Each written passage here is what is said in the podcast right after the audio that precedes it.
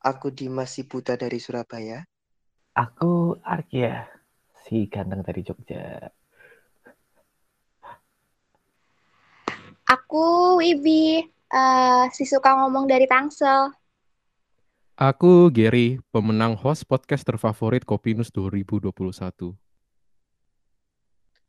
Yes, kembali lagi di podcast Forbi Kopinus. Jadi mungkin kalau kemarin Kopinus udah jalan-jalan ke kota Blitar, ke kota Malang, ke kota Jogja, sampai kemarin ke kota Semarang. Kali ini Kopinus jalan-jalan di di mana? Di mana ya ini ya? Pokoknya ini jauh banget guys, jauh banget, jauh banget. Ya kita uh, lagi jumpa di Google Meet ya gitu ya. Kebetulan kita lagi nganggur dan kita lagi pengen ngobrol, lebih tepatnya ngopi sih tapi btw mungkin Arkia boleh kasih tahu dong ngopi itu kayak gimana? Hmm ngopi. Mungkin kalau ini ya kalau teman-teman mungkin yang dengerin podcast ini pastinya kalau mungkin belum tahu ngopi itu apa, sih ngopi juga wah kita beli kopi kita dari suatu tempat kopi gitu ya kita ngopi gitu Nah ini agak beda nih, kebetulan nih ngopinya ini di sini adalah ngobrol penuh inspirasi, kayak gitu ya. Jadi bukan hanya sekedar ngopi, tapi kita ini bener-bener kita tuh ngobrol gitu, ngobrol inspiratif gitu, inspirasi oh. dengan inspirasi. Ya nggak Mas Ger? Ya nggak sih? Oh, iya baru tahu aku. Mm -mm. Ya, gimana sih? gitu. Tadi apa? Uh -uh. Kita mau bahas apa ini? Ngebahas apa nih kira-kira? Oke, malam ini tuh kita mau bahas di balik pendidikan inklusi gitu. Nah, uh, di sini kan kita lagi ngobrol-ngobrol asik ya kan. Sebenarnya ada nggak sih uh, menurut Kak Dimas, menurut Kak Arja, menurut Kak Geri, uh, arti atau makna pendidikan inklusi gitu loh? Ah, mungkin... menarik. Mm-hmm. Ya, mungkin hmm. Wibi bisa jawab. Oh, oke. Okay. Aku ya. Uh... ya oke, okay, lanjut. Uh, pendidikan inklusi menurut aku itu uh, di mana kalau kita bisa membantu peserta didik mengerti, menerima serta menghargai orang lain, itu kan yang uh, berbeda suku, terus berbeda budaya, nilai, kepribadian dan uh, keberfungsian fisik maupun psikologis gitu. Nah, kalau menurut Kak Dimas sendiri kalau menurut aku sih pendidikan inklusi itu adalah story story. Iya, karena hmm, pengalaman sih banyak cerita di balik yang namanya pendidikan inklusi. Uh, Menarik nih kayaknya nih cerita dari Mas Dimas ya nggak iya. sih? Mau diceritain apa enggak ini? Hmm, ceritain nggak sih Mas? Ceritain lah, ceritain lah, ya. Jadi gini, kan kebetulan, kebetulan kalau kita bahas pendidikan inklusi itu kan mungkin banyak banget kan artinya. Jadi kayak misalkan ada orang yang mengartikan bahwa pendidikan inklusi adalah pendidikan yang harus menerima penyandang disabilitas. Atau misalkan ada yang mengatakan bahwa pendidikan inklusi itu adalah uh, apa namanya hasil cetusan dari Education for All tuh. Jadi uh, adalah hasil konferensi pendidikan tuh kalau nggak salah di mana itu? Pokoknya tahun sekitar tahun 1990-an tuh atau misalkan pendidikan inklusi itu adalah uh, sekolah SLB eh, kan banyak banget tapi kalau menurut aku adalah kalau misalkan bicara terkait pendidikan inklusi ya ya ini adalah sebuah uh, instansi pendidikan yang memiliki sistem yang dirancang ya dan juga dikemas secara inklusif kayak gitu sehingga uh, seluruh elemen uh, apa namanya generasi muda atau bahkan seluruh elemen masyarakat ini juga bisa merasakan dari yang namanya pendidikan itu sendiri. Nah, termasuk halnya dengan penyandang disabilitas. Cuma memang uh, sering kali pendidikan inklusi ini sangat erat kaitannya dengan uh, penyandang disabilitas karena memang uh, penyandang disabilitas sejauh ini menurut aku adalah salah satu kelompok rentan yang diberikan fokus secara lebih oleh pemerintah kayak gitu. Nah, tadi aku bilang kalau pendidikan inklusi adalah story kayak gitu. Karena apa? Karena karena dulu kebetulan aku kan pernah nih sekolah di SLB. Aku pernah sekolah di sekolah umum yang reguler dan aku juga pernah sekolah yang di sekolah inklusi kayak gitu. Jadi memang yang karya sekolah inklusi di salah satu sekolah di Sidoarjo lah ya. Tapi nggak usah disebut aja namanya kayak gimana. Kayak gitu. Nah, cuma memang ternyata banyak banget yang uh, nggak sesuai dengan ekspektasi aku kayak gitu ya jadi misalkan kalau dulu aku mengira pendidikan inklusi selain dia cuma men, apa ya uh, selain menerima penyandang disabilitas kayak gitu atau dalam hal ini cuma uh, menerima aku kayak gitu ya sebagai seorang netra ternyata kayak gitu ya uh, setelah aku masuk pun uh, sebenarnya banyak banget sih yang yang nggak bisa aku dapatkan kayak gitu. Contoh misalkan kayak ikut organisasi A organisasi B yang dari sekolah ya jadi ekstrakurikuler kan kalau dulu namanya tuh. Kan kalau di kampus sekarang namanya UKM kalau dulu di, di SMA tuh zamannya ini uh, namanya kan ekstrakurikuler tuh. Nah itu nggak bisa diikutin. Kenapa? Karena katanya teman-teman aku masih inget banget. Jadi aku pernah daftar di apa namanya paduan suara. Katanya uh, kan aku udah kenalin aku seorang disabilitas netra dan katanya tunanetra ini sama dengannya tunarungu bicara gitu. Jadi mereka mempertanyakan ke gimana caranya aku memper apa dengerin uh, apa itu not ya not terus gimana caranya aku nyanyi kalau bukan anak disabilitas. Jadi ini adalah salah satu gimana cerita? yang menurutku komedi. Iya sih. Ya tapi mungkin uh, mungkin pada waktu itu mereka nggak tahu kalau uh, disabilitas ini banyak jenisnya kayak gitu gitu sih itu salah satu contoh uh, story dari aku lah Hmm. Mungkin itu kan Gary juga ini tunanetra juga, jadi mungkin siapa tahu cerita boleh cerita. Oh ya, kalau ceritaku ya. Tadi sih apa soal ceritanya Mas Tim soal terkait makna ya tadi. Biasanya inklusi lebih melekat ke teman-teman difabel aja gitu. I iya ya ternyata kan SM ya SMP SMA aku kan uh, sekolah inklusi ya. SD ku enggak, SD SD ku umum gitu saat SMP SMA ya inklusi ya lekat dengan difabel gitu. Anak difabel sebetulnya biasa anak inklusi, kalau nggak anak ABK gitu. Nah, sedangkan kan ada juga anak yang lainnya gitu. Misalkan yang maaf ya yang kurang mampu, biasanya kan di apa ya, kalau di Jakarta gitu ada KJP gitu. Cuma beda dengan apa ya, disebutnya anak inklusi, jadi dibedain gitu. Mungkin menarik itu soal itu. Kalau cerita um, aku kalau soal ekstrakurikuler juga dulu pernah daftar eh iya ditawarin sih ditawarin gitu saat demo ekskul kan saat mos gitu hari-hari pertama SMA uh, eh, aku ngeliat oh paskip aku ngeliatin terus oh keren keren sebenarnya pengen daftar gitu terus kakak-kakaknya kakak kakaknya itu apa datang ke aku gitu mau mau daftar paskip gak gitu. Terus aku bilang oh mau. Uh, terus aku bilang tapi aku uh, tunanetra gitu. Terus langsung ditinggalin sama kakak kakak langsung pergi.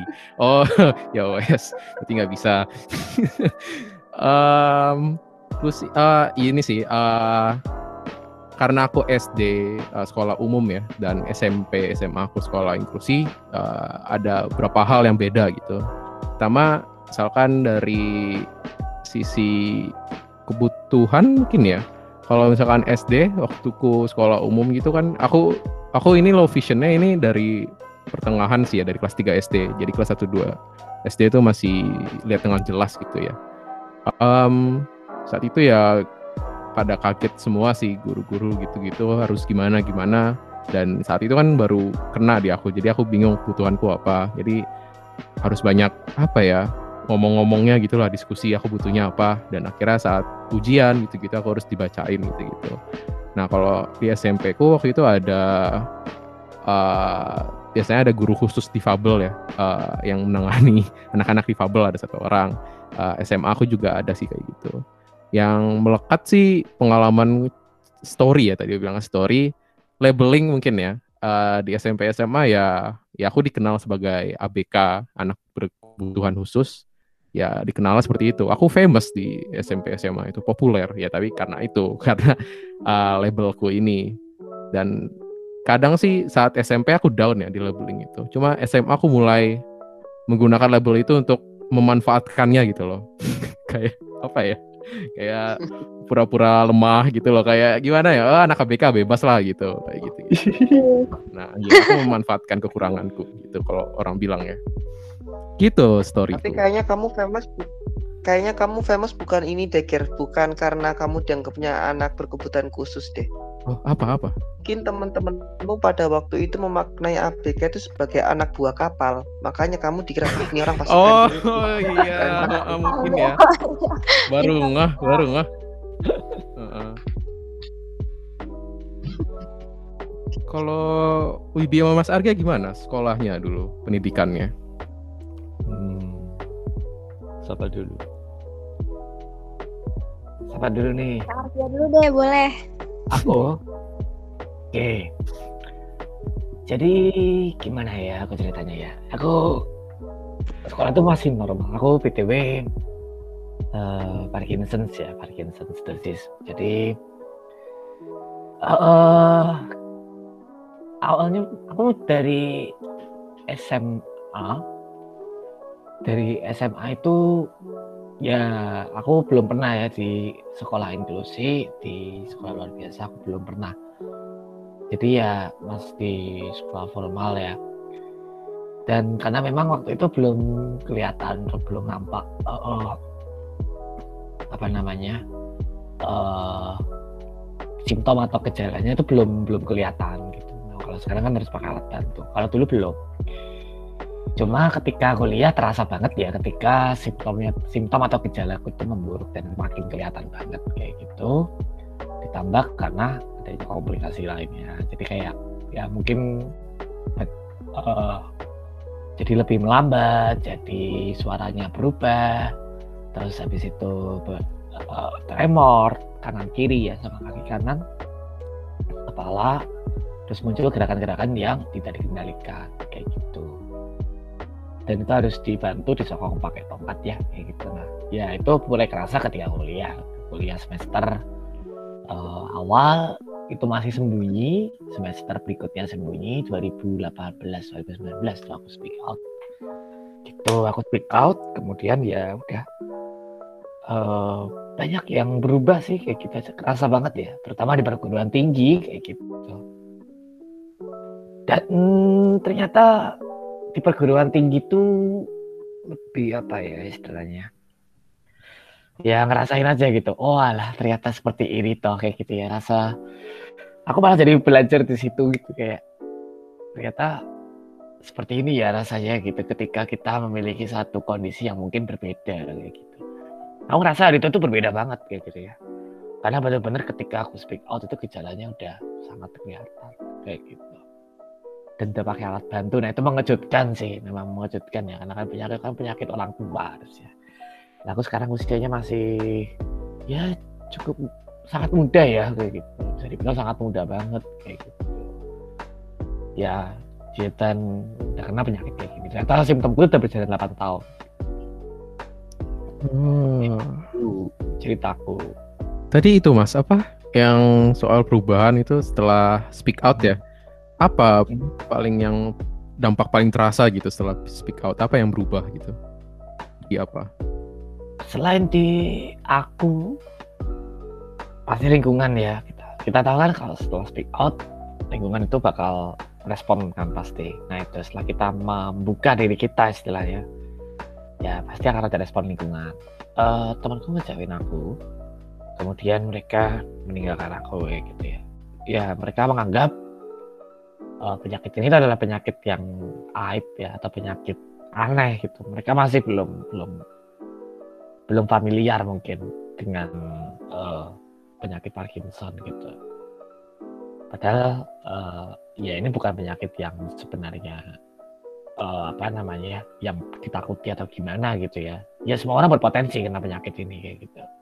Cuma ini bisa didominasi oleh orang tua tadi. Nah itu ya makanya mereka kaget itu. Aku dikira mungkin pernah aneh-aneh, pernah eh, pakai obat-obatan yang apa atau apa, pertama nggak pernah kayak gitu ya. Terus kemudian berubah jadi kayak mereka lebih langsung mandang kayak yaudah sih kamu nggak usah perlu ambis gitu loh. Kamu nggak usah ambis kayak gitu. Lebih baik kamu memikirkan keabadianmu aja kayak gitu. Artinya mereka menganggap penyakit ini penyakit yang cepat mati kayak gitu. Padahal ya tidak kayak gitu ya ya itu sih perubahannya kayak gitu perubahan sosial. Paling kerasa banget itu sosial tuh. Jadi apa ya mereka jadi kayak jaga jarak gitu ya ngomongnya kayak jadi jaga jarak gitu. Sebelum corona hadir nih itu mereka udah social distancing sama aku Oh. gitu kan. Mereka akan lagi social distancing dulu. Apa tidak biasa ya? Waduh. nggak apa udah biasa social distancing. Udah di udah gladi bersih tuh. Udah siap. udah siap kan udah gladi bersih nah ya udah akhirnya ya aku mulai harus membuka hal baru kayak gitu sih. Maksudnya ya aku menerima lah mereka memang seperti itu ya sudah kayak gitu. Walaupun berat banget ya walaupun berat banget kayak ngerasa ya Allah kayak gini kayak gitu. Kayak gitu sih lebih ke arah pengucilan ya. Ya tadi mereka tuh langsung jaga jarak gitu loh. Kayak ada social distancing. Kita aja belum pandemi nih gitu. Gitu Tapi kalau dalam akses pendidikan ada yang berubah, Mas? berubah ada ada ada. Jadi karena gejalaku ini progresif ya penyakit Parkinson itu penyakitnya progresif teman-teman. Jadi eh, semakin lama tuh akan makin menurun fungsinya gitu ya fungsi otak kita gitu ya. Nah fungsi otak itu kebetulan pas banget ini yang kena ini lokomotifnya ya gitu ya. Nah itu sehingga semuanya itu bakal terganggu ya dari di pendidikan sendiri terasa. Jadi aku tuh gini tadi aku pernah presentasi kayak gitu ya. Ya kayak mereka kayak apa aku pegang mic gitu ya. Terus kayak udah udah gak usah presentasi gak usah presentasi kayak gitu. Jadi kayak hah? Lah kan mau presentasi gitu. Nggak apa kamu duduk aja gitu. Terus ujian juga dibacain kayak gitu. Karena tulisanku tuh kecil-kecil kayak sandi rumput gitu. Makin lama tuh makin rapet gitu ya oh. dan lambat banget kalau nulis tuh. Jadi mungkin itu sih yang menjadi kendala gitu ya.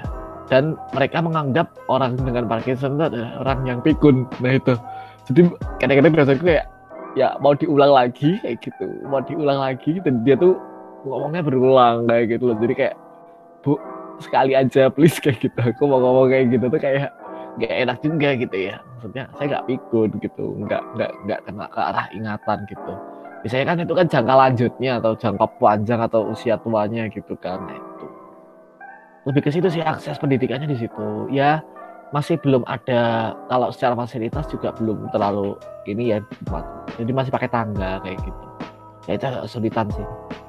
Itu kalau ke atas pasti agak susah gitu. Mobilitas sih lebih ke mobilitasnya mobilitas pendidikan kayak gitu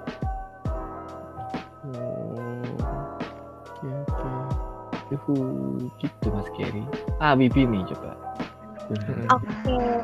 Eh, kalau aku sendiri sih kak, eh, memang sejak SD sampai SMK ini eh, sekolah yang eh, umum gitu. Nah tapi emang ada sedikit cerita kan karena tadi kita lagi bahas cerita-cerita gitu. Nah eh, memang udah tiga bulan ini eh, aku pakai alat bantu gitu kayak tongkat untuk aku jalan. Karena eh, memang aku habis uh, operasi kemarin gitu. Dan uh, jujur aku ngerasa itu keadaannya berubah berubah. Padahal yang mungkin katanya kayak cuma tiga bulan nggak ada rasa. Tapi di aku itu bener-bener kerasa banget perubahannya uh, bahkan pun kayak di keadaan sosialnya juga sama gitu kayak ke Arge gitu. Kayak ada beberapa hal yang berubah gitu. Dan uh, dari contohnya adalah dari dari kecilnya adalah kayak tentang pandangan orang-orang gitu. Dan aku aku itu kan tipe orang yang uh, suka ngerasa takut sendiri gitu kalau uh, pa dari pandangan orang ke aku tuh suka takut sendiri gitu. Nah ada sejak kejadian ini uh, banyak banget orang-orang tuh yang ngelihat ngelihat ke aku tuh dengan pandangan yang aku sendiri pun rasanya nggak nyaman gitu. Sampai uh, aku mikir aku salah apa gitu emang kenapa sih aku nggak boleh gitu kayak gini gitu. Bahkan uh, itu ngebuat aku sampai takut keluar rumah gitu. Karena uh, aku terlalu takut sama pandangan orang-orang tentang aku gitu. Emang uh, ada apa gitu. Bahkan kalau misalnya aku pergi ke rumah sakit pun misalnya aku pergi ke rumah sakit itu biasa naik motor gitu. Dan biasanya tuh ngelewatin orang-orang gitu. Biasanya kalau udah orang-orang liatin aku tuh aku cuma bisa merem gitu. Aku cuma mikir aduh ini kenapa kayak gini ya? Aku nggak ngerasa nggak nyaman gitu. Cuman uh, akhir uh, setelah beberapa bulan mungkin aku mulai membiasakan diri akhirnya aku mulai ngerasa apa ya mulai membiasakan diri gitu kayak ya udah nggak apa-apa gitu. Karena aku sendiri pun nggak bisa ngeubah keadaan juga kan jadi uh, aku mulai membiasakan diri sama hal-hal tersebut gitu hal-hal yang baru menurut aku dan dan jujur itu buat aku ngerasa nggak nyaman gitu. Tapi uh, ternyata itu malah buat aku banyak belajar gitu sih kak dari aku. Hmm, tapi kalau boleh tahu itu hmm, siapa Wibi operasi apa Wib? Uh, jadi pakai tongkat. Uh, jadi uh, operasi tumor gitu. Awalnya tuh cuman operasi kecil gitu kan dan aku pikir kayak oh udah karena emang itu udah lama banget benjolannya gitu. Jadi ada benjolan di kaki dan ternyata emang itu tumor dan awalnya bilang itu tumornya jinak gitu kan dan sampai akhirnya operasi pertama selesai dan ternyata hasilnya itu aku uh, harus dirujuk ke sana sini lagi gitu kan. Sampai akhirnya uh, setelah beberapa bulan aku baru operasi pertama itu udah ada benjolan yang muncul lagi dan ternyata aku harus operasi lagi gitu. Dan dari operasi itu ternyata ada bagian pinggiran kaki aku yang harus dibuang dan ada tulang juga yang dibuang gitu yang diambil karena udah kena sel tumornya dan harus diganti sama pen gitu. Nah makanya kenapa aku harus pakai tongkat karena uh, dokter bilang kalau pasang pen itu kamu harus eh, nggak uh, boleh jalan gitu 3 sampai empat bulanan kamu harus pakai tongkat gitu karena uh, nunggu untuk si pen sama tulangnya itu nyatu lagi gitu sih kak. Oke oke oke oke oke oke. Ya, aku paham sekarang paham paham paham. Jadi aku keinget ini sih waktu uh, pernah diskusi di ada salah satu forum ya. Ini sebelum sebelum corona nih. Jadi uh, ternyata uh, kalau aku ya aku aku beranggapan bahwa semua orang itu adalah difabel kayak gitu ya. Uh, dengan alasan kalau setiap orang itu pasti membutuhkan akses-akses khusus, kebutuhan-kebutuhan khusus, dan kalau dikatakan memiliki kekurangan kayak gitu ya kan selama ini sering tuh disabilitas itu adalah orang memiliki kekurangan orang memiliki anugerah orang memiliki uh, apa keistimewaan atau spesial dan sebagainya itu tapi menurut aku semua orang pun juga juga demikian kayak gitu loh. Jadi ini terlepas uh, disabilitas yang uh, secara umum ya maksudnya kayak tunanetra teman tuli atau tunarungu atau misalkan tunawicara kayak gitu atau uh, teman apa namanya yang uh, bisu kayak gitu ya atau tunadaksa tunanetra dan sebagainya itu gitu. Tapi kurasa juga uh, semua orang juga demikian kayak gitu. Cuma mungkin belum ada aja mungkin ya istilah-istilahnya untuk mengkategorikannya kayak gitu. Nah uh, tapi ada dalam satu fokus uh, diskusi yang pada waktu itu uh, jadi pendapatku ini dianggap salah kayak gitu ya. Jadi ada satu temanku yang menyalahkan mati-matian gitu. Jadi dia dia membantah itu mati-matian banget kayak gitu. Kenapa? Karena menurut dia disabilitas itu adalah orang-orang yang memiliki uh, apa ya, memiliki kekurangan dalam jangka waktu yang lama kayak gitu. Atau misalnya memiliki hambatan dengan jangka waktu yang lama. Jadi uh, kalau yang kayak misalkan kayak kasusnya Wibi gini yang kayak tiga bulan tuh dia belum tentu disabilitas ya gitu. Karena mungkin dia bisa uh, bisa kembali pulih lagi kayak gitu. Nah tapi yang aku bingungkan kayak gitu ya sejauh ini aku eh, nggak uh, tahu sih dari mana indikator kata lama atau sebentar itu dari mana mengukurnya misalkan ada yang bilang ya kalau lama itu 20 tahun atau di bawah 20 tahun kenapa dihitungnya 20 tahun? Nah itu aku masih masih belum nemu gitu loh. Nah, sampai sekarang itu aku berpendapat bahwa semua orang itu adalah bagian disabilitas gitu ya. Cuma mungkin bagi sebagian orang mungkin uh, malu aja untuk mengakui itu kayak gitu. Nah uh, makanya nggak heran ya kalau dulu dulu ini dulu waktu aku masih zamannya SMA yang tadi aku bilang tadi SMA inklusi uh, apa namanya uh, karena aku low vision ya jadi bukan bukan totally blind jadi aku low vision nah uh, apa namanya ketika misalkan ditanya nggak sama temen. Tapi nanya tapi juga apa juga juga apa sih nanya tapi juga nebak gitu itu gimana ya? Maksudnya gini jadi mereka langsung langsung datang uh, dim dim dim dim awakmu kero yo awakmu kero yo jadi apa itu kalau desain uh, dim dim dim dim dim kamu juling ya kamu juling ya? Kayak gitu. Kalian pasti tahu dong mata juling itu kayak gimana pasti tahu dong. Jadi kayak yang matanya kalau ngelihat melihat tatapan mata orang lain itu nggak fokus kayak gitu. Atau misalkan bola mata yang satu ke kiri satu ke kanan kayak gitu ya ini nggak tahu lagi ngapain tapi uh, jadi teman aku selalu nanya dim dim dim dim mau kero ya mau kero ya gitu.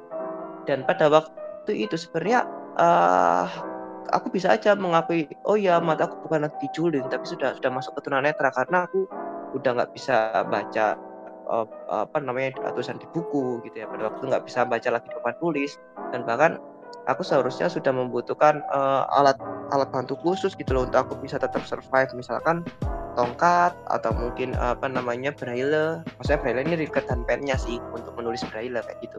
Tapi karena pada waktu itu masih masih muda kayak gitu aku mengiyakan itu kayak gitu. Jadi pada waktu itu memang uh, salah satu julukanku di, di, di, di SMA ini kayak gitu ya. Meskipun aku sana cuma satu tahun dan itu pindah ke SLB gitu.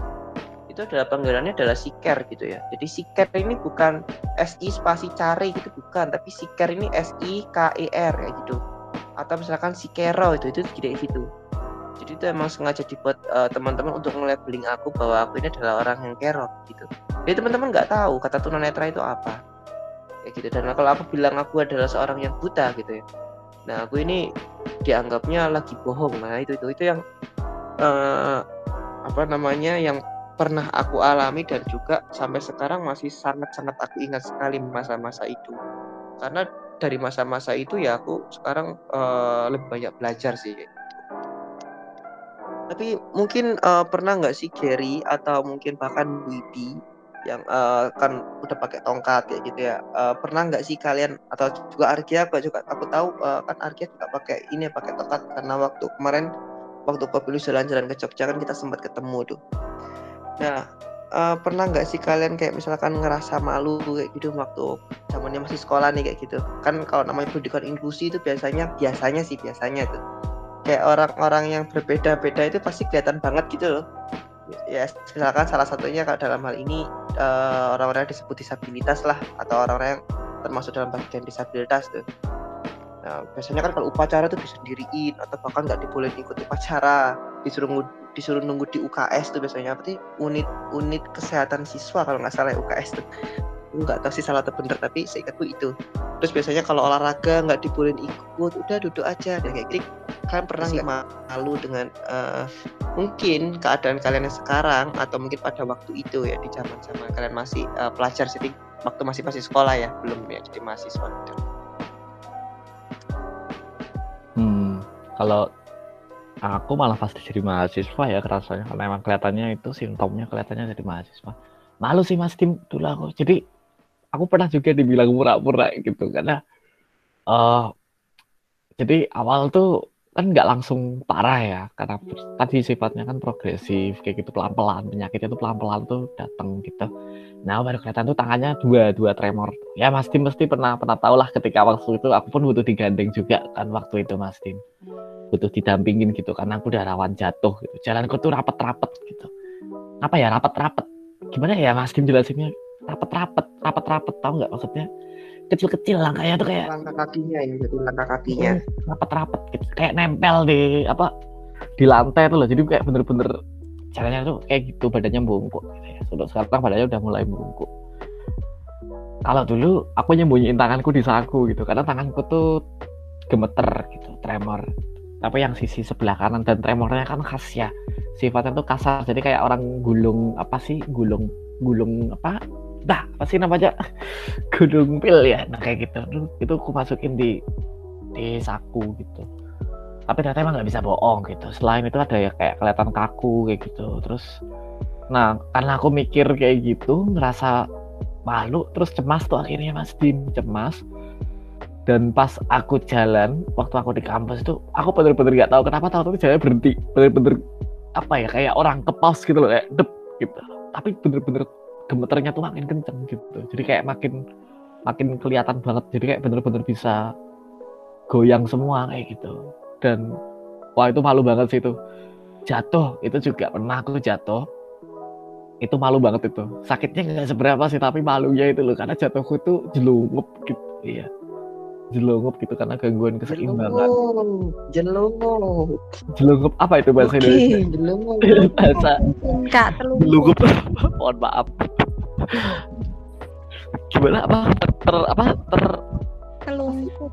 tertelungkup Iya Ya, sih? Oh, posisi ini apa? jelungup jelungup jelungup itu apa bahasa telungkup nggak sih Menyungsep, menyungsep. Nyungsep. Oh, Iya, Malah. That's right, bener banget. Nah itu dulu pernah jatuh di kampus kayak gitu, terus ya malu sih kayak malu ya kayak ya ampun tapi sini udah kayak simbah-simbah deh gitu. Aku kayak kayak simbah-simbah karena bener-bener kayak ini banget malu banget aku kayak gitu. Pernah pernah pernah pasti. Nah mungkin teman-teman yang juga pernah tuh pastikan atau punya pengalaman yang sama mungkin. Ah, Wibi gimana Wib? Aku eh, jujur sih kak, tadi kan aku sempet bilang tuh kan kalau aku tuh suka takut sama pandangan orang. Nah bahkan selama tiga bulan itu tuh aku bener-bener gak mau banget untuk keluar rumah karena aku ngerasa kayak aku bakal ngerepotin banyak orang gitu. Dan aku juga malu sama kondisiku sendiri karena kayak kok gak gak gimana ya kayak susah jalan terus juga mau jalan aja tuh susah gitu. Bentar-bentar berhenti karena capek gitu kan. Dan apalagi kalau misalnya lagi di tempat umum atau gimana gitu kan rasanya tuh kayak ini aduh takut banget. Ini orang liatnya kenapa ya atau gimana gitu kan. Dan jadinya dan pernah juga sih kejadian eh, hampir jatuh. Dan itu bener-bener oh bukan hampir jatuh tongkat yang jatuh kan itu dua kan. Dan itu menimbulkan keributan yang sangat-sangat ini ya. Oh iya iya iya bisa bikin orang sampai nengok semua gitu. Dan itu yang ngebuat aku jadi kayak aduh kok gini banget gitu. Bahkan sempat nyalahin nyalahin diri sendiri gitu. Dan emang itu impactnya besar banget sih kak di aku gitu. Kalau kak Geri sendiri gimana nih? Ah, ya. Aku sama sih dari Nah ini ya tadi, ini nanti aku bahas insecure. SD kan SD kan aku sekolah umum ya, pertengahan doang. Jadi pertengahan aku baru kena provision kayak Mas Dim. Dan ya kan di awal aku biasa aja ya. Dan sebenarnya pas saat kena low vision nggak banyak yang berubah kecuali uh, ya pendidikanku yang apa susah ngaksesnya gitu lah ya. Cuma selebih itu masih main bola masih ini. Cuma ya tetap aja ada yang nanya gitu biasanya ini sih dengan nunjukin jari gitu. Kelihatan nggak? Kelihatan nggak? Ini berapa? Ini berapa? Gitu loh. Nah saat SD aku marah aku marah aku katain balik gitu apa anda? Yang ngajak berantem. Aku berantem pasti. Nah saat SMP SMA apa umur umurku pas saat ya, insecure aku aku mengalah gitu. Iya nggak iya apa nggak kelihatan gitu. Antara aku nyoba jawab atau aku bilang eh nggak kelihatan. Terus nggak tahu ya aku mungkin masuk beruntung gitu ya. Ya mungkin uh, mereka nanya-nanya itu termasuk bully gitu ya. Cuma mungkin karena mukaku yang aku aku menganggap diriku mukaku pules ya kadang. Kadang orang tuh ada oh kasihan gitu loh. Oh oh nggak apa-apa gir nggak apa-apa gir gitu. So, malah minta maaf akhirnya gitu.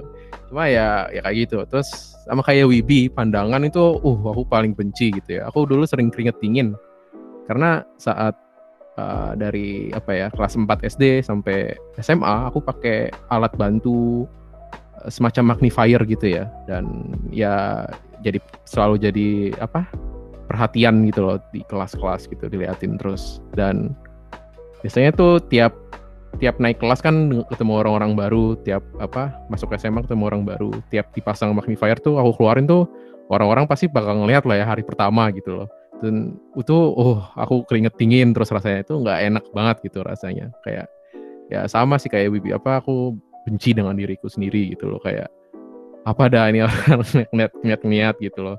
Dan aku itu sih saat SMA um, menghindari ya apa dari pergaulan gitu. Karena ya aku tadi insecure tadi ya. Aku tahu aku baru sadar gitu aku saat akhir SMP akhir SMP sampai ya SMA itu ya kuliah juga gitu di awal-awal. Aku tahu aku berbeda terus akhirnya ya udah uh, masalahnya ada di sosial itu aku menghindari pergaulan gitu-gitu. Dan so uh, perbedaan sering ya dikhususin gitu saat olahraga aku ganti baju tapi aku di pinggir doang gitu. Sebenarnya pengen ikut cuma ada sisi lain juga oh aku bakal bisa nggak nih masukin bola ke ring gitu basket gitu ya. Bisa bakal bisa ikut lari nggak gitu gini kayak pengen cuma aku tahu apa ya kayak ada feeling aku nggak bisa jadi mending nggak usah deh daripada malu-maluin gitu loh.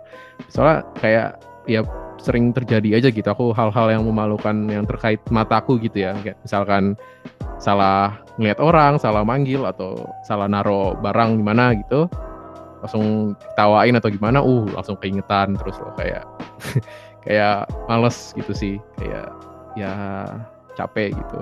Cuma kadang aku memanfaatkannya juga gitu. Kayak waktu itu ada pelajaran geografi dikasih tugas disuruh gambar. Terus ya aku pakai nada-nada ya gimana ya? Oh maaf pak saya nggak bisa apa ya saya nggak kelihatan gitu gambar. Oh ya nggak apa-apa nggak apa-apa ger gitu gitu. Oh uh, beneran pak nggak apa-apa di tugas lain kah? Gitu. Oh, nggak usah nggak usah nggak usah. Nah dapat nilai kok dapat nilai. Oh, oh ya udah. Oh ya udah aku depan bapaknya oh ya udah pak. Uh, terus pas muter balik eh, yes gitu loh kayak alhamdulillah kayak asik juga gitu sih kadang. Gitu ceritaku jadi ada positifnya juga? Sorry ya. Ini, apa namanya ada tadi aku ceritanya Gary sama ceritanya Argia itu eh, apa namanya itu juga ada satu yang eh, bukan aku alamin sih, tapi memang pernah ada gitu ya. jadi eh, apa yang pertama aku masih ingat banget namanya Dion kayak gitu. Jadi dia adalah seorang tunadaksa Eh, sebenarnya sih apa ya dia daksa tangan kan daksa tangan. Jadi lima kelima jarinya di, di, di tangan kanan itu eh, diamputasi semua. Jadi lima jarinya nggak ada. Jadi jari-jarinya udah nggak ada kayak gitu. Nah itu karena kecelakaan sih karena kecelakaan nah tapi dia itu eh, sama nih kayak Wipi jadi kayak mungkin masih eh, apa ya kayak em, eh kok Wipi siapa tadi? Argia. Jadi kayak merasa malu gitu kan. Nah jadi tangannya itu selalu di, di ini dimasukin ke saku gitu.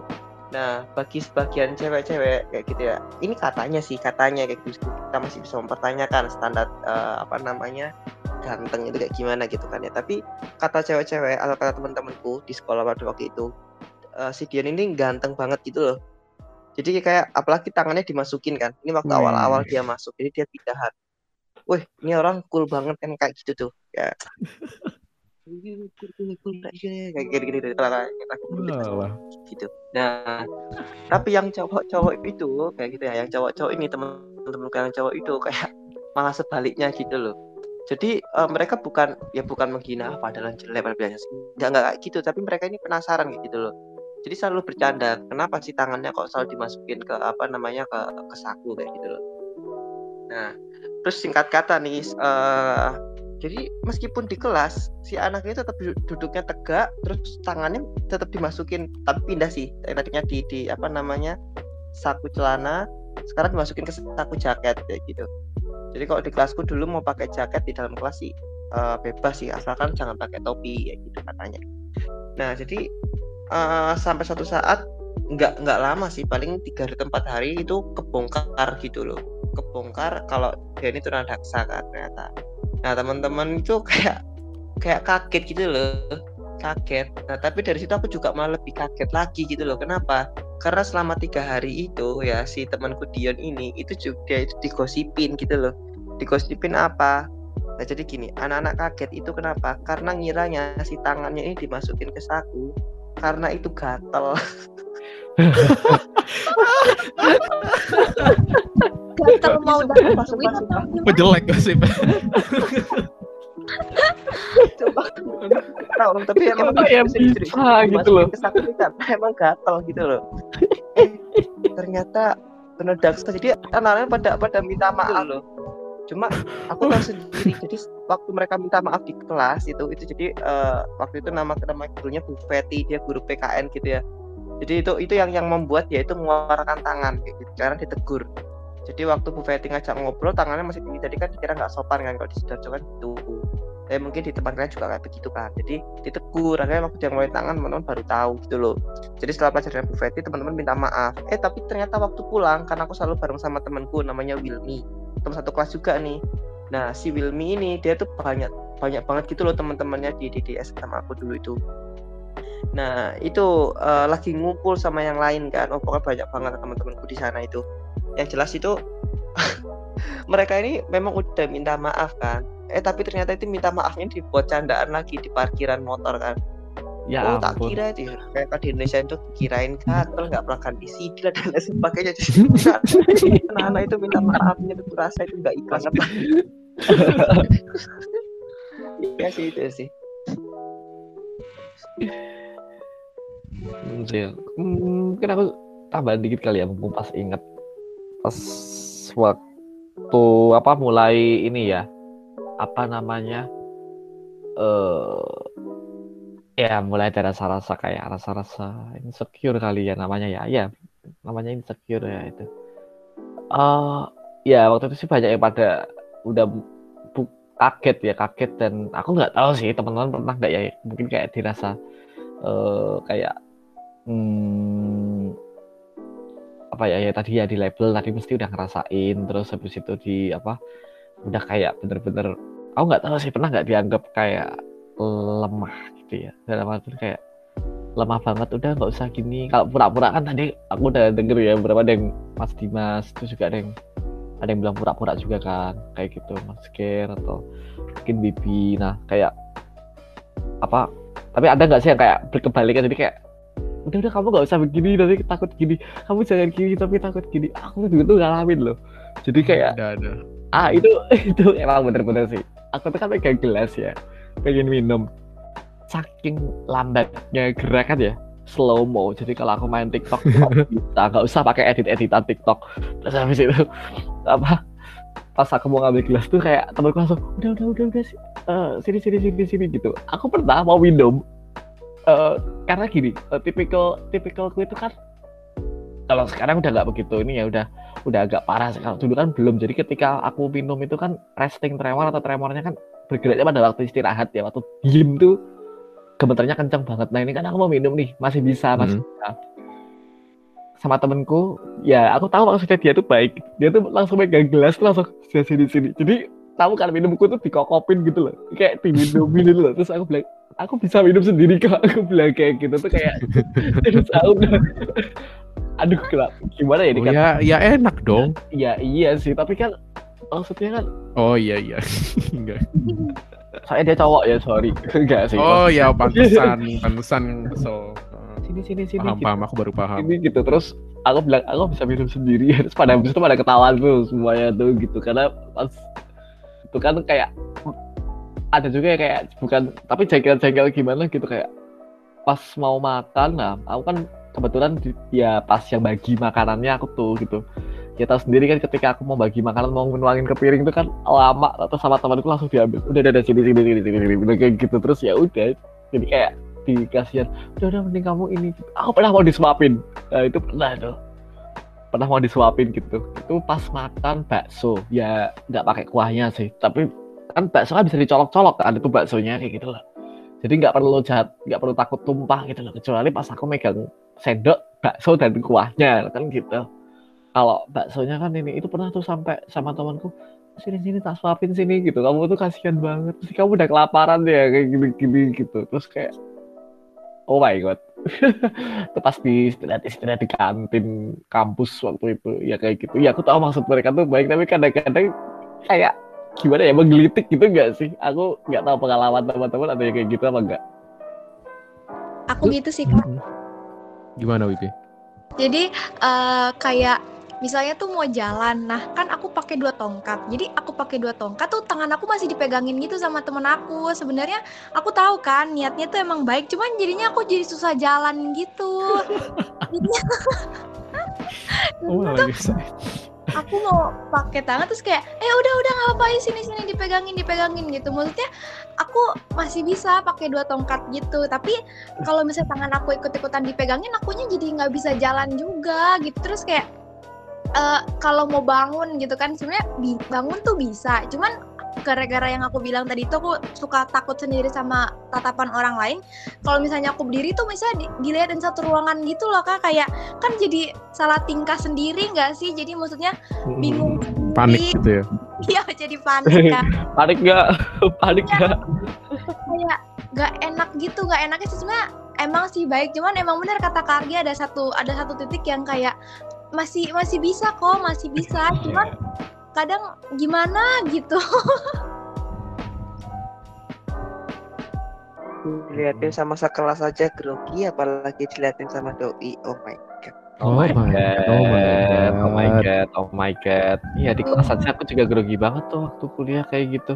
oh, berdiri nah aku tuh berdiri juga diliatin jadi kayak teman-teman tuh bengong ketika aku mau berdiri gitu loh kan lama ya berdirinya tuh kadang udah berdiri tuh jatuh lagi duduk lagi tuh kayak udah udah sini sini sini yuk tak bantuin gitu. Ya tadi dipegang pernah tuh dipegang.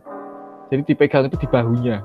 Jadi bahuku tuh ditekan gitu loh biar nggak jatuh gitu dia karena kalau nggak karena jalanku tuh ke depan teman-teman kampusku tuh pernah lihat ke depan maksudnya bongkok gitu agak bongkok gitu. Teman-temanku pernah kayak berusaha negakin dan hampir jatuh bareng-bareng kita tuh. Terus aku ya untung nggak jatuh cinta. Terus habis itu ya ya udah ya aku bilang aja ya masih bisa kok dijagain aja gitu hatinya juga ya gitu habis itu kayak nggak mau nemenin lagi temen gue karena aku pakai bilang hati ya itu mungkin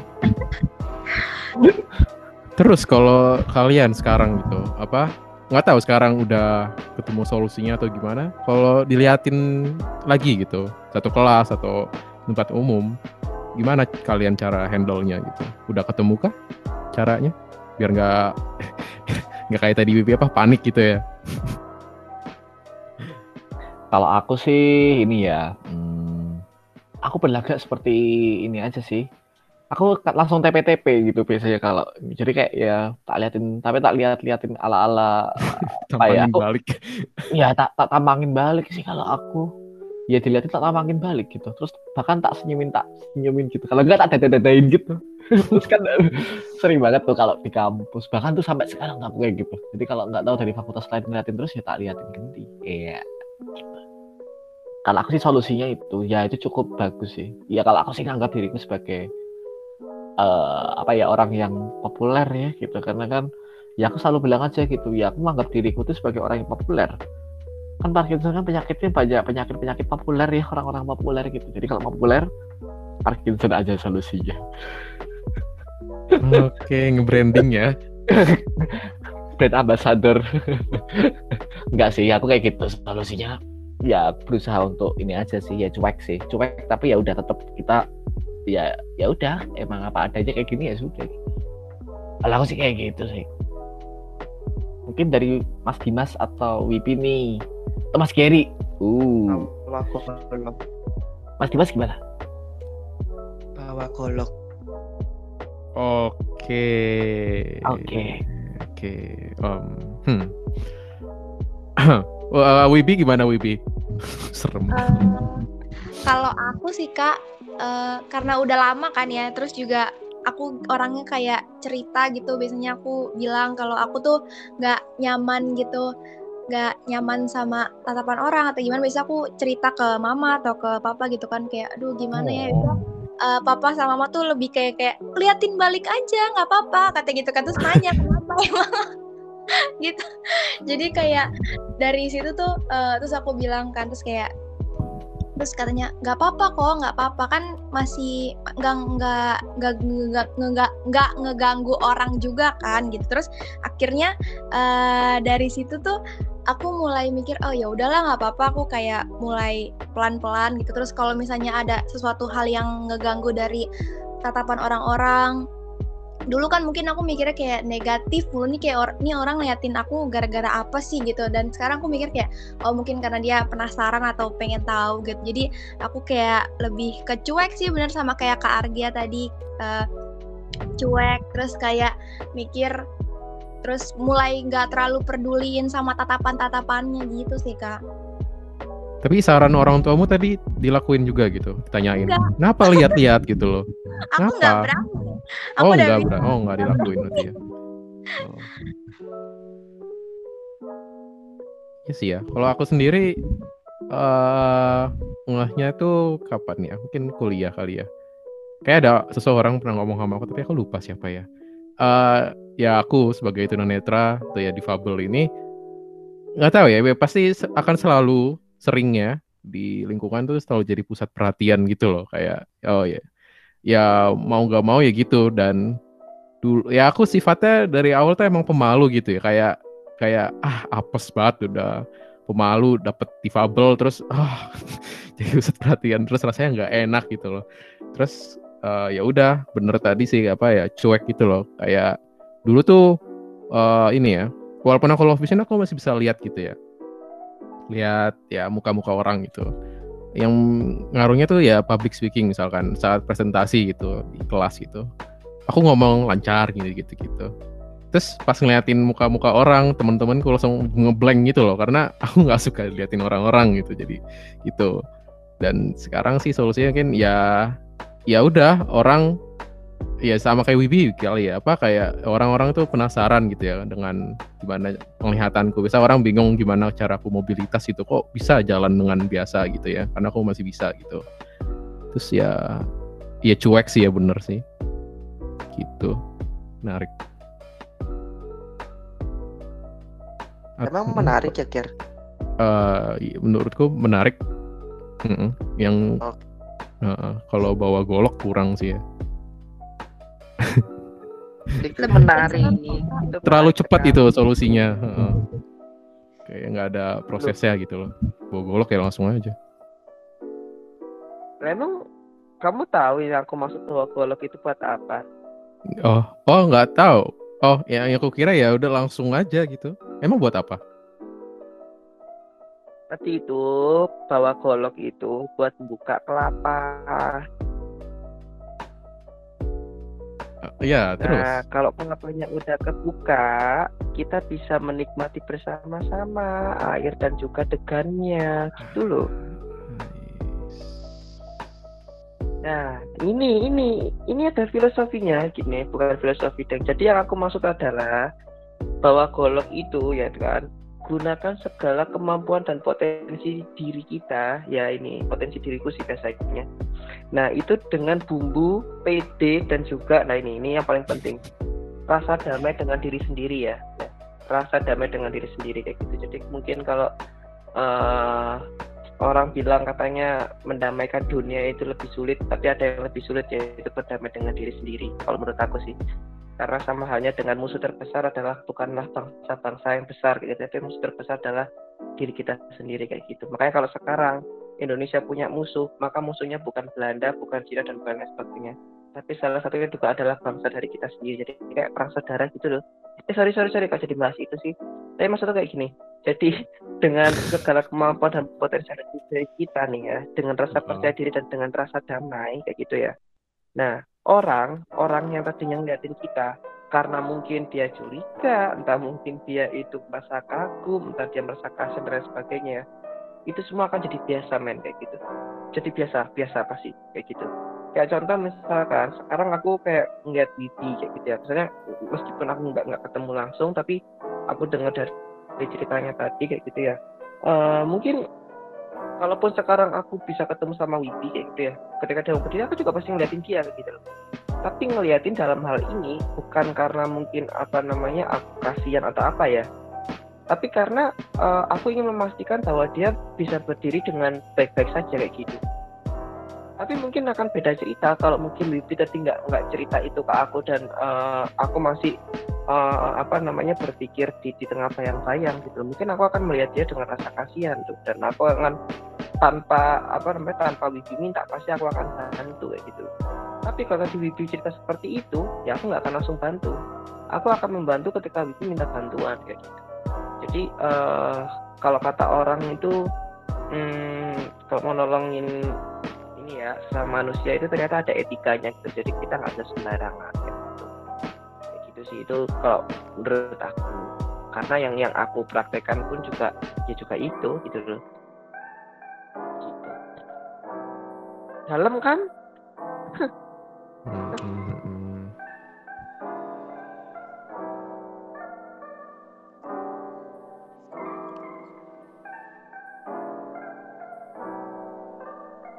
Tapi iya ya apa?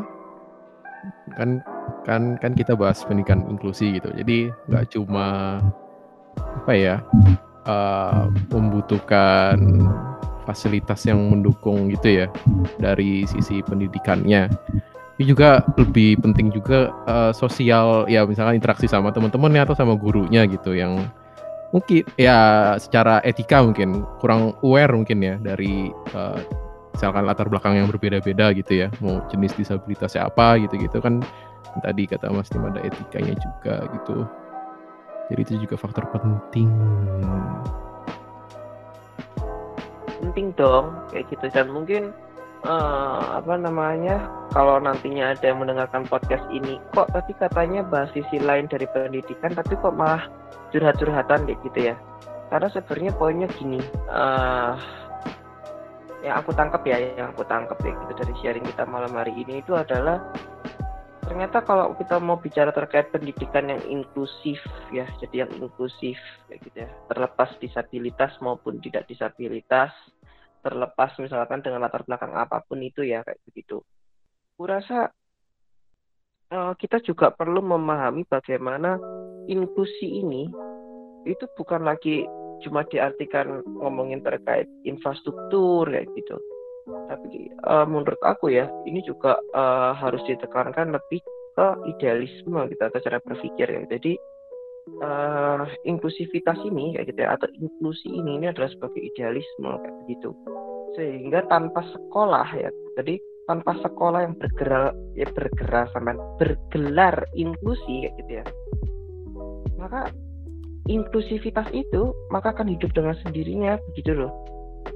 Kayak contoh misalkan nih kemarin ini kan lagi di musim covid kemarin aku jalan-jalan di salah satu daerah di kota Malang kayak gitu. Ada tulisannya besar banget di situ. Ya jadi zona anti covid bawahnya gede banget zona hijau. Kayak begitu. Dan uh, aku bingung siapa yang menulis itu dan apa tujuannya kayak begitu. Kenapa aku uh, apa bingung dengan tujuan atau siapa yang menulis kayak gitu ya? Karena aku waktu ke situ itu lagi jenguk temenku yang covid ya gitu loh. Jadi dia habis covid terus udah sembuh kayak gitu. Jadi aku mau mau tak apa mau jenguk lah. Karena waktu dia covid aku nggak bisa jenguk gitu loh. Loh aku heran gitu loh. Di situ ada ada yang kena covid tapi ada ada yang nulis zona hijau kayak gitu loh oh iya mungkin itu kan nggak nggak jelas dari satu dua tapi kan ada tulisan di atasnya ada tulisan anti covid gitu. jadi seharusnya kalau anti covid berarti itu nggak ada yang covid dong kayak gitu loh. Nah ini sama halnya dengan daerah daerah-daerah gitu ya, yang tanpa ada tulisan anti covid atau zona hijau. Tapi memang masyarakatnya memang menjaga protokol kesehatan menaati nasihat-nasihat dari pemerintah kayak gitu ya. Terkait bagaimana uh, apa namanya cara hidup kita yang baru kayak gitu ya di, di, di masa pandemi ini kayak gitu yang uh, baik untuk kesehatan kita juga kayak gitu kan ya. Tanpa ada pelanggaran tulisan itu kayak gitu ya maka ya covid akan nggak ada di situ kayak gitu loh. Sama hanya dengan kayak tadi garis inklusi tapi kalau misalkan sudah uh, dari segi perilaku pemikiran penerimaan dan juga mungkin dari segi-segi lainnya gitu ya mungkin uh, banyak para hal yang bisa lebih menjelaskan. Tapi mungkin menurut aku itu sih yang apa namanya uh, aku tangkap ya dari dari uh, hasil sharing-sharing tadi itu Lalu Wipi gimana Wipi? Atau Arkia? Wipi atau uh, Kalau aku sendiri sih kak, uh, tadi kan kakak sempat bilang tuh kalau ternyata kita tuh uh, nolong orang tuh ada etika sendiri gitu dan ternyata itu yang uh, ngebuat kalau bahkan segala hal yang kita lakukan itu tuh udah ada etikanya sendiri gitu dan kita nggak bisa lakuin itu secara sembarangan. Dan uh, dari cerita-cerita yang udah di sharingkan juga terus juga Eh, pengalaman-pengalaman itu yang membuat aku kayak oh ternyata tuh uh, ada beberapa pandangan yang berbeda gitu. Dan dan itu yang ngebuat aku mikir kalau uh, belajar itu belajar suatu hal yang tentang pendidikan itu nggak cuma satu titik doang gitu dan ternyata itu luas banget gitu sih kak. Kalau kak Argia sendiri gimana nih?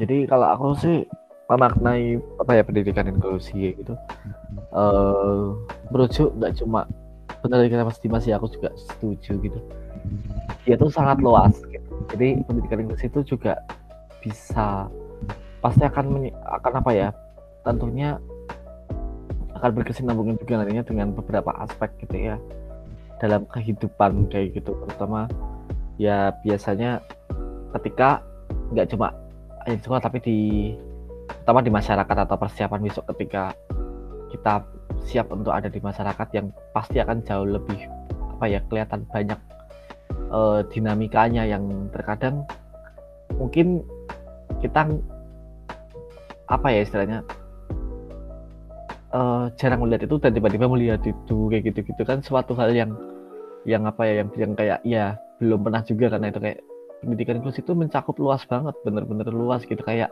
ya kayak tadi misalnya belum pernah tahu tahu-tahu kan biasanya kalau orang-orang dengan yang sudah paham tentang eh, inklusi atau mungkin yang yang pernah eh, pendidikan di sekolah inklusi juga tentunya eh, akan beda gitu ya dengan orang yang mungkin belum memahami apa itu inklusi kayak gitu. Karena kita di maknanya itu sangat menurutku sangat luas ya gitu dan menyenggol beberapa aspek. Ya semua aspek sepertinya ikut gitu ya. Baik dari eh, ekonomi baik dari sosial psikologi fisik dan sebagainya kayak gitu. Untuk pendidikan inklusi sendiri secara luas umumnya sih Wah, iya iya, sepakat sepakat sepakat. Eh, aku juga sama sih ya, sama dengan kalian bertiga. Jawabannya dijadiin satu. Itu menurutku soal pendidikan inklusi. Ya, gimana Jadi tuh? ya- Eh, gimana tuh coba dijelasin dijelasin coba. gimana tuh? Oh, gimana tuh aku mau nutup padahal ini ya. Oke. Barusan mau nutup.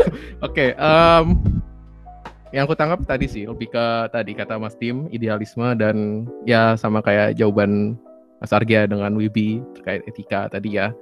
Eh dari awal kita udah tahu ya kalau misalkan kita udah menanami eh, pemahaman kita terkait inklusi ya misalkan bisa apa eh, ikut semua bisa berpartisipasi eh, akses yang sama kalau misalkan kita udah tanami dari awal eh, pemahaman tersebut semuanya itu akan ikut berjalan tadi untuk kata Mas Tim kayak ya pasti kalau kita ada rasa kepedulian ya untuk eh, semua ikut akses gitu ikut serta nah itu pasti nanti eh, secara fasilitas secara etika dalam misalkan sosial eh, kan as- aspek lainnya juga gitu pasti akan mengikutinya juga gitu. Eh, semuanya bisa sama-sama ikut serta dalam pendidikannya ikut sama-sama eh, senang.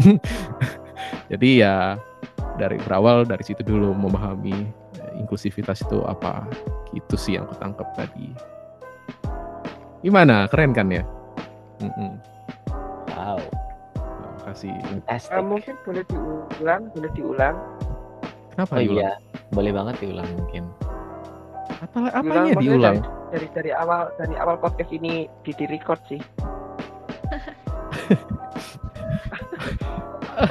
Eh, ya memoriku nggak sampai situ. Mm-mm. Ya, eh, tutup atau gimana? Eh, ya, Iya, oke. Silakan. itu nanti dikat ya, Ker. Itu nanti dikat. Nggak ada yang dikat, nggak ada podcast ini yang dikat. Ini masih nggak, ini nggak dikat ini. Aku ngomong kayak gini nggak dikat. Aku ingetin ke editor, editor jangan dikat yang ini. Berarti ini ini nggak dikat. Ini iya, obrolan ini nggak dikat ini dari tadi. obrolan ini masuk. Cut rolling door, door rolling, cut cut action. Oke. Tutup, tutup. Wibi, tutup Wibi. Sebelum makin ngaco. tutup langsung ya kak. Iya, buruan. Oke. Yang tidak langsung juga nggak apa-apa. Yang tidak langsung aja. Hah? Yang tidak langsung aja. Buruan, Wib, buruan, Wib. Nggak usah dengerin. Oke oke oke. Nah, eh, mungkin udah di akhir acara kita ngobrol-ngobrol, nggak kerasa ternyata. Eh, makasih banyak buat Kak Geri, Kak Dimas, Kak Argia untuk waktunya. Kita bisa sharing-sharing hari ini dan asik banget pastinya.